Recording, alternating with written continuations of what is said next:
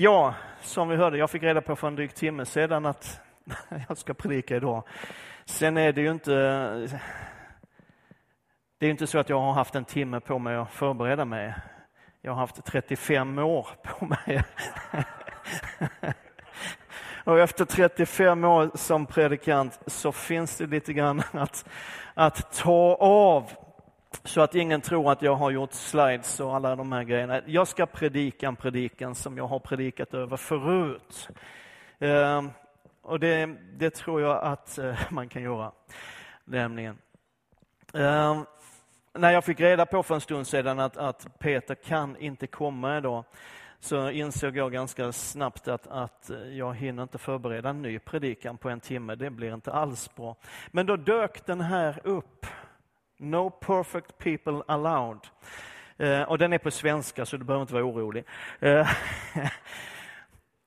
vi har predikat under den här månaden och vi fortsätter med det nästa söndag också om en kyrka för alla.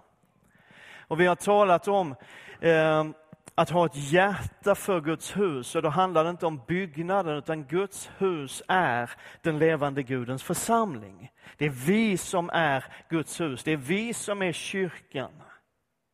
Vi talar om att ha ett hjärta att älska Guds församling. Och vi talade förra söndagen om att vara planterad och rotad i Guds hus, i Guds familj. Att känna att ja, men jag hör hit. Det är inte alltid jag förstår alla de andra. De andra är ganska konstiga i den här familjen, det kan man tycka ibland i en familj. Och, sådär, och det är ju en grej med familj. Och det är ju det att man väljer inte sina syskon. Har du ibland önskat att man hade kunnat få göra det. Men så är det inte i en familj, utan det, det är ju liksom, det är en sån här bundle pack. Va? Du kommer in i en familj, ja men då ingår alltihop.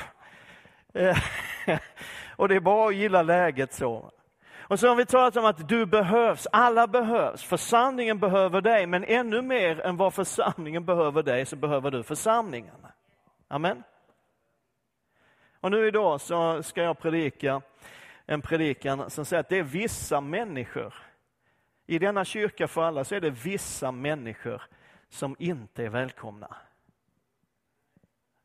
Amen. Nu är det sådär tyst i ena kyrkan igen. Vi är en kyrka för alla. Vi vill vara en kyrka för alla. Vi ska vara en kyrka för alla. Jag hävdar att vi är en kyrka för alla, utom för de perfekta.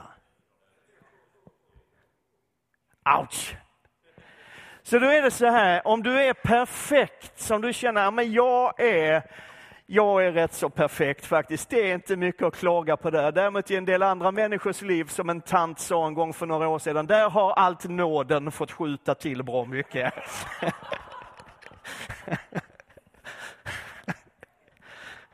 Om du då känner att ah, jag är inte en sån, nåden har inte fått skjuta till så mycket i mitt liv, utan det var rätt bra som det var. Då ska jag säga, det finns en del andra kyrkor i den här stan som du får gå till då. Men om du är perfekt så passar du inte in här alls. Jag bara säger det nu, så har du tre sekunder på dig att lämna. Eh, om du känner att du vill göra det. För vi är en kyrka för alla, utom för de perfekta. Jag vill ta med dig till, till ett bibelord i Matteus 9. Och har du varit med ett tag så är det ett ganska välkänt ord. Har du inte varit med så länge så är det kanske inte så välkänt. Eh, men det står så här, Matteus 9 från vers 35. Att Jesus gick omkring i alla städer och byar. Och han undervisade i deras synagogor och predikade evangeliet om riket och botade alla slags sjukdomar och krämpor. När han såg folkskarorna förbarmade han sig över dem eftersom de var rivna och slagna som får utan herde. Och han sa till sina lärjungar, skörden är stor, men arbetarna få. Be därför skördens Herre att han sänder ut arbetare till sin skörd. Titeln på den här predikan den är lånad eller stulen, vilket du vill, från pastor John Burkes bok No Perfect People Allowed creating a come as you are culture in the church. Alltså en bok som heter Perfekta människor undanbedes. Hur du skapar en kom som du är-kultur i församlingen. Och det är, om du har läst den eh, så vet du, har du inte läst den så ska jag tala om för dig. Det är en ganska provokativ och utmanande bok och sådana böcker gillar jag. Liksom, böcker som man somnar av är ju inte så bra, men den här håller dig på tårna. Emellanåt är den riktigt rejält provocerande. Den börjar så här. Du ska få ett litet utdrag precis i början. Vad har en buddhist, ett bikerpar, en gayaktivist, någon som egentligen bara var på genomresa, en högutbildad teknikingenjör, en muslim, en ensamstående mamma i 20-årsåldern, en jude, ett sambopar och en ateist gemensamt. Och så svarar John Burke på den frågan och säger, de är framtidens kyrka. Amen. Och så konstaterar John Burke att även om tiderna har förändrats en del och mycket av det som förr liksom skedde i det fördolda numera sker helt öppet, så har kyrkan egentligen alltid sett ut ungefär sådär som den ser ut nu. Och så citerar John Burke från första Korintierbrevets sjätte kapitel. Vi ska gå dit alldeles strax. Där Paulus ger en lista över sånt som inte stämmer med hur Gud vill att vi ska leva våra liv. Är du med? Då säger han så här. Vet ni inte att inga orättfärdiga ska få äga Guds rike, ärva Guds rike? Bedra inte er själva. Varken otuktiga eller avgudadyrkare, varken äktenskapsbrytare eller de som utövar homosexualitet eller de som låter sig utnyttjas för sånt, varken tjuvar eller giriga, drinkare, förtalare eller utsugare skall ärva Guds rike. Det är listan. Och så säger Paulus så här, sådana var en del av er. Men ni har tvättats rena, blivit helgade, ni har förklarats rättfärdiga i Herren Jesu Kristi namn och i vår Guds ande. Vad är det Paulus säger? Jo, han säger att kyrkan och församlingen egentligen alltid, i alla tider, har bestått av de trasiga, de vilsna, de förlorade. Och väldigt, väldigt sällan, jag skulle vilja påstå aldrig, av de perfekta. När Jesus såg folkskarorna förbarmade han sig över dem, säger vår bibelöversättning. Fylldes med medlidande med dem, säger andra bibelöversättningar. Någon säger han ömkade sig över dem.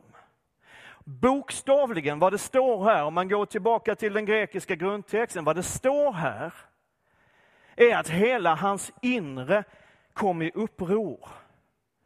Det ordet som används, bland schnitzomaj, du kan öva på att säga det sen när du kommer hem. Det betyder, alltså det refererar till inälvorna, till det allra innersta i människan. Och det, det, det som uttrycks här är att när Jesus såg människorna i den här världen, så revs hela hans inre upp. Hela hans inre människa liksom hamnade i kaos, i uppror, i smärta, i vånda, i ångest om du så vill. Varför? Därför att de var så rivna och så slagna.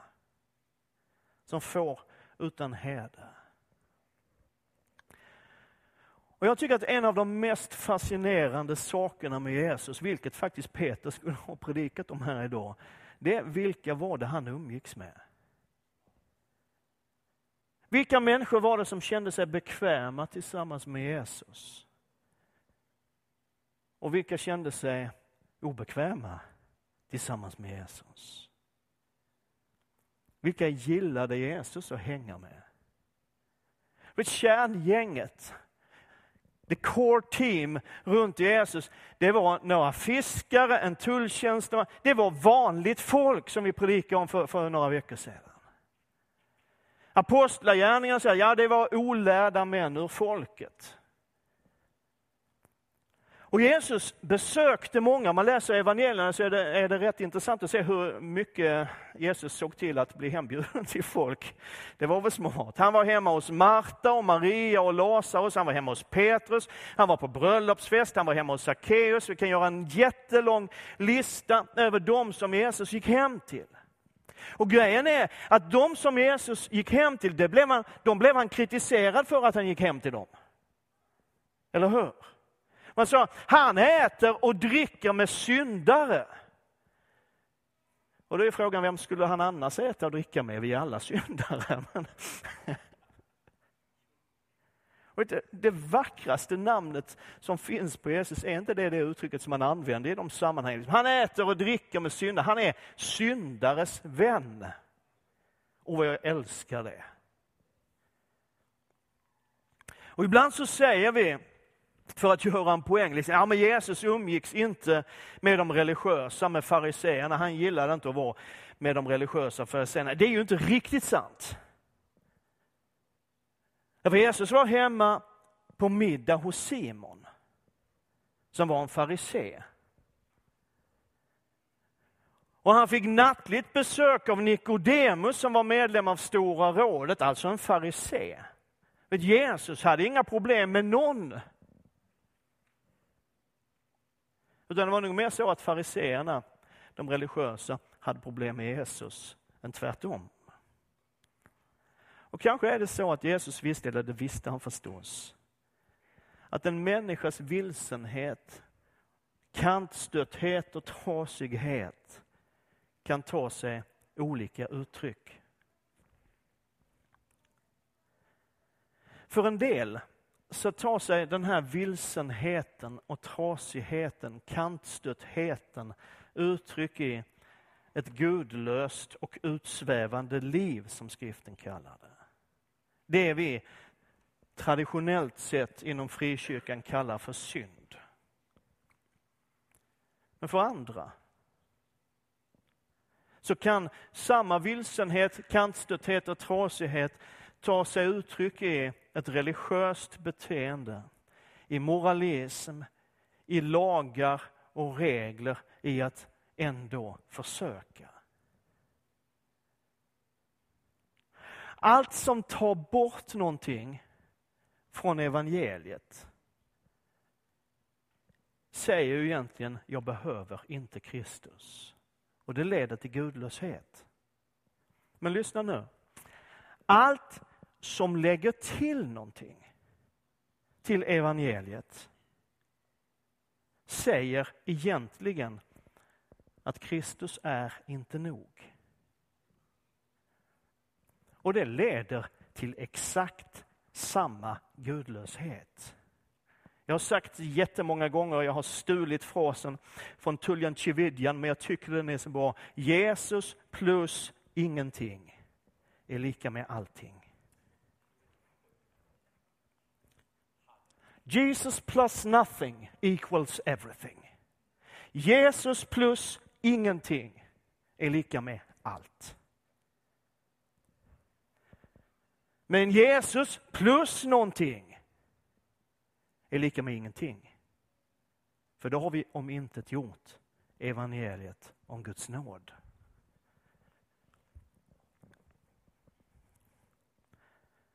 Och för oss som har varit med ett tag, vi är ganska många här idag, så är kanske inte risken så jättestor att vi tar bort någonting ifrån evangeliet. Eller försöker ersätta Kristus med någonting annat, åtminstone inte medvetet. Men det finns en stor risk för oss som har varit med ett tag, att försöka lägga till, att addera, att plussa på. Jesus plus någonting. Om du ska vara med i vårt sammanhang så får du klä dig så här eller du får tala så där, eller du måste sluta med det där, eller du måste vara sån där, eller du måste be på det här sättet, eller du ska be på det sättet, eller du ska vara si, eller du ska vara så. Alltså det finns tusentals saker som kyrkan genom historien har försökt att lägga på evangeliet. Men Jesus plus någonting blir ingenting alls. Uppenbarelseboken, Bibelns allra sista bok, avslutas med, alltså det är något av det sista som står i den bibel vi har, så står det, lägg inte till något, ta inte bort något, för då missar ni alltihop. Eller hur? Lägg inte till, dra inte ifrån, för då missar du allt. Kyrkofadern Augustinus sa de här berömda orden, du och Gud har skapat oss till dig själv.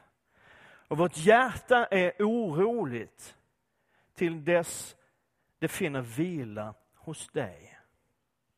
Vet du, jag tror att det finns någon sorts tomrum i varje människa. Det finns en sorts ofrid eller en oro. Det finns någonting som säger en människa som inte har funnit Jesus, som säger ändå att det är någonting som inte stämmer.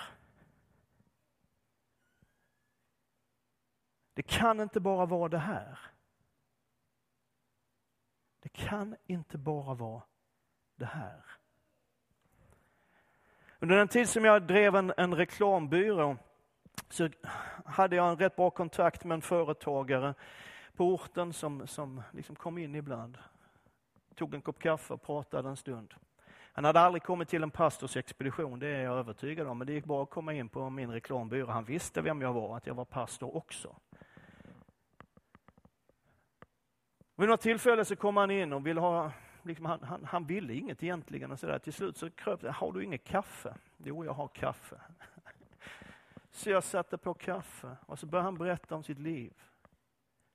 Berätta om vad han hade.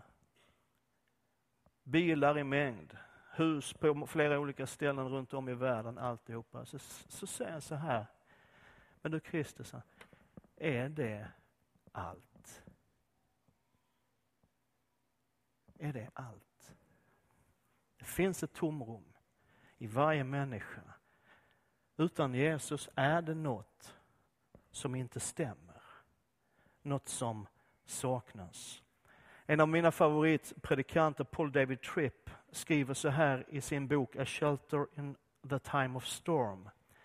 Du har helt klart, lyssna noga, du har helt klart inte kontroll över detaljerna eller målet för ditt liv. Trots att du är en tänkande varelse med mål, mening, känslor och drömmar ropar ditt inre efter en djup upplevelse av frid och välbefinnande. Det du upptäcker i all din strävan är att du egentligen är skapad för att vara i kontakt med någon annan. Därför är det så att varje människa egentligen strävar efter Gud. Problemet är att vi inte vet om det. Utan i vår strävan efter stabilitet försöker vi balansera på en ändlös stapel av Guds ersättningar. En stapel som tenderar att sjunka tillsammans med oss. Det finns en klippa att finna. Det finns en inre frid att erfara som går djupare än mänskligt förstånd, djupare än mänsklig kärlek, personlig framgång och samlandet av ägodelar. Det finns en klippa som ger dig ro, även när alla dessa ting tagits från dig. Den klippan är Kristus och du är skapad för att finna det du söker i honom.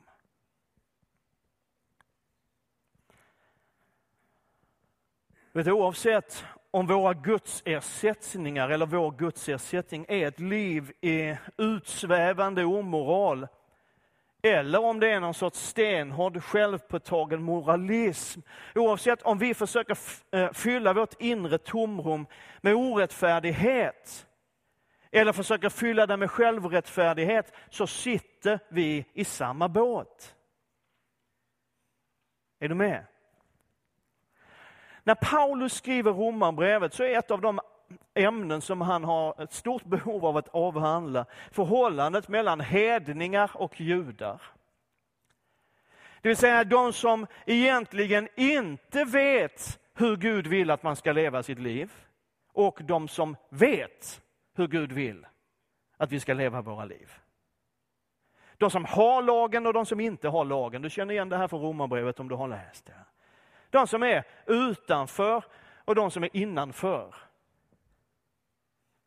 Och Paulus, när han drar igång det här resonemanget så börjar han med att konstatera hur bedrövligt han tycker att det är i den här världen, bland hedningarna.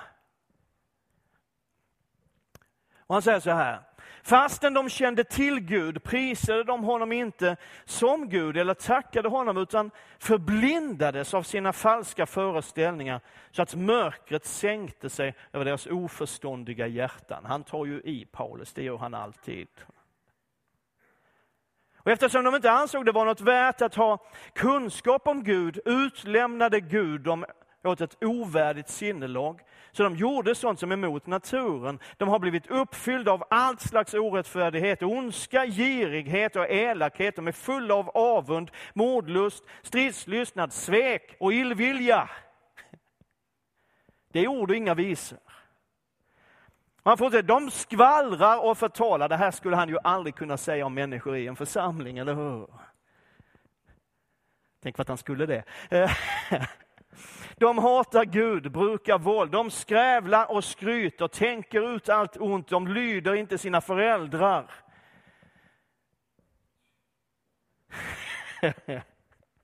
De är oförståndiga och trolösa, kärlekslösa och hjärtlösa. Det är illa, skulle man kunna sammanfatta med. Sen fortsätter Paulus i kapitel 2 i Romarbrevet och talar om dem som borde veta bättre och som faktiskt ibland anser sig veta bättre. Och så säger han, du tror dig vara en vägvisare för blinda. Ett ljus för dem som vandrar i mörker, en uppfostrare för oförnuftiga och en lärare för omogna. Eftersom du har kunskapen och sanningen förkroppsligad i lagen.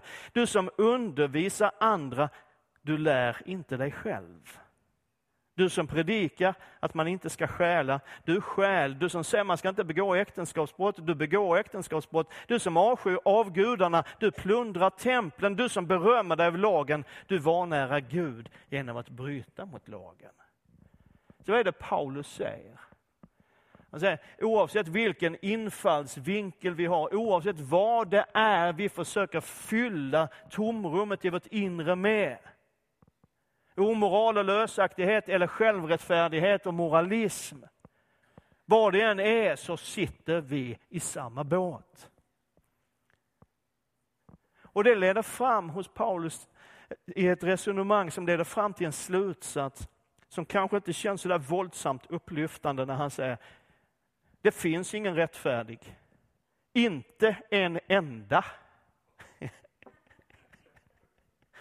Härligt. Jag tänkte jag skulle uppmuntra det här på söndag morgon lite. Ingen förståndig finns. Ingen finns som söker Gud. Alla har avvikit, alla är, har blivit fördärvade. Ingen finns som gör det goda, inte en enda. Amen, nu går vi hem. Och så konstaterar Paulus i en av de kanske mest välkända verserna i hela Romarbrevet. Här finns ingen skillnad. Alla har syndat och saknar härligheten från Gud. Och de står som rättfärdiga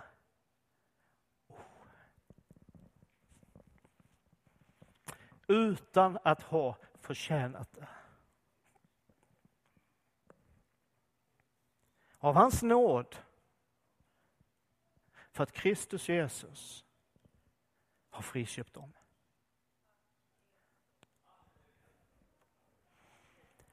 Det finns ingen skillnad, säger Paulus, säger Guds ord. Oavsett om vi är sådana här människor som alltid har skött oss och försökt göra vårt bästa, eller om vi inte har skött oss. Oavsett om vår gudsersättning, vårt substitut för Gud är omoral, utsvävningar, synd eller om det är moralism och självrättfärdighet så får det oss att missa totalt vad Guds rike handlar om.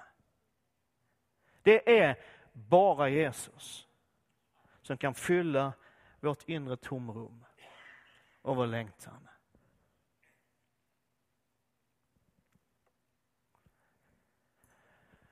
Och det är därför som perfekta människor inte passar in i Guds församling.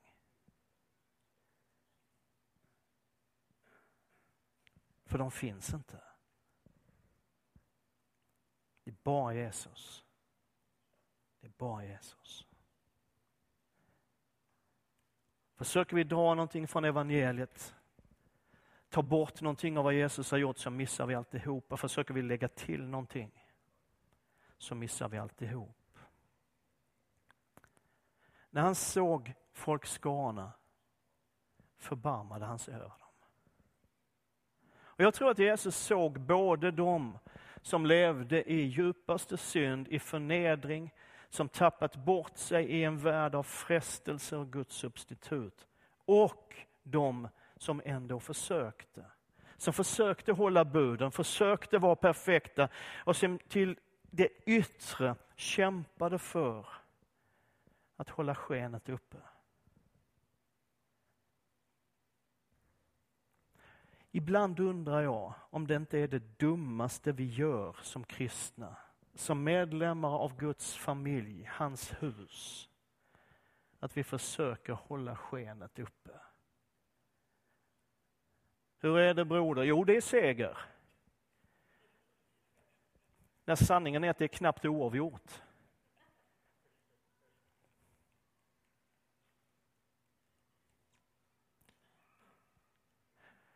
Om det är någonstans som det borde vara okej okay, att inte alltid vara okej, okay, så är det väl den levande Gudens församling. Är det någonstans det borde vara okej okay att inte alltid vara okej, så är det ju här. Kom till mig, säger Jesus, alla ni som arbetar och bär på tunga bördor så ska jag ge er vila. Den bördan kan se väldigt olika ut. Den kan handla om synd, om smuts, om misslyckanden, om hopplöshet. Men det kan lika gärna handla om den där ständiga kampen för att lyckas, den ständiga kampen för att ha den där segern och ha det där fantastiska livet som man borde ha som kristen, vara lyckad och ha framgång på livets alla områden eller åtminstone framstå som lyckad och lycklig och framgångsrik. Oavsett vad din börda är, oavsett vad din börda är, så ger Jesus befrielse och vila. Allt vi behöver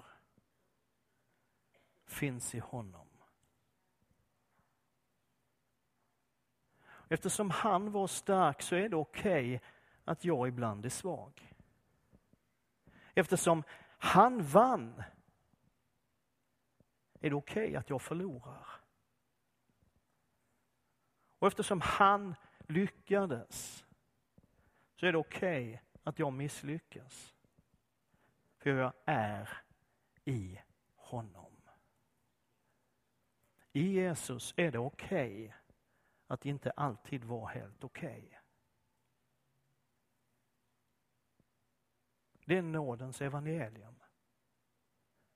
Att vi får komma exakt som de vi är med allt det vi bär inom oss och med oss och har med oss genom livet. Men Guds nåd är också så stor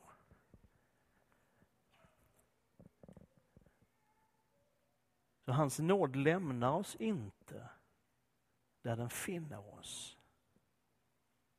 Utan han lyfter oss upp och sätter oss på den klippa som består för evigt. Men det beror inte på dig och inte på mig, utan allt beror på honom.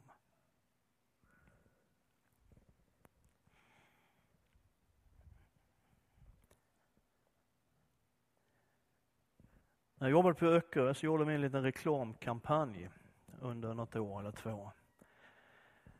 Med återkommande små budskap. Ett av dem var en kyrka för dig som gör bort dig ibland. Jag tror det är en av de smartaste annonser jag någonsin har kommit på faktiskt. Tänk att få vara en kyrka för dem som gör bort sig ibland. Är inte det en kyrka för alla?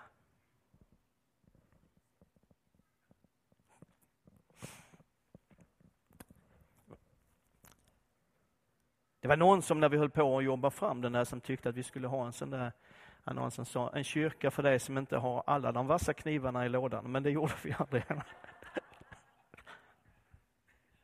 Men i Jesus finns det som vi längtar efter, som vi strävar efter kommer aldrig någonsin att finnas i din egen kraft, i dina egna ansträngningar. Det finns ingenting du kan göra för att Gud ska älska dig mer. Det finns ingenting som du kan göra för att han ska älska dig mindre. Han bara älskar dig. I Jesus Kristus är det okej okay att inte alltid vara okej. Okay. Endast hos Gud söker min själ sin ro. Från honom kommer min frälsning. Endast han är min klippa och min frälsning. Min borg. Jag ska inte vackla. Amen.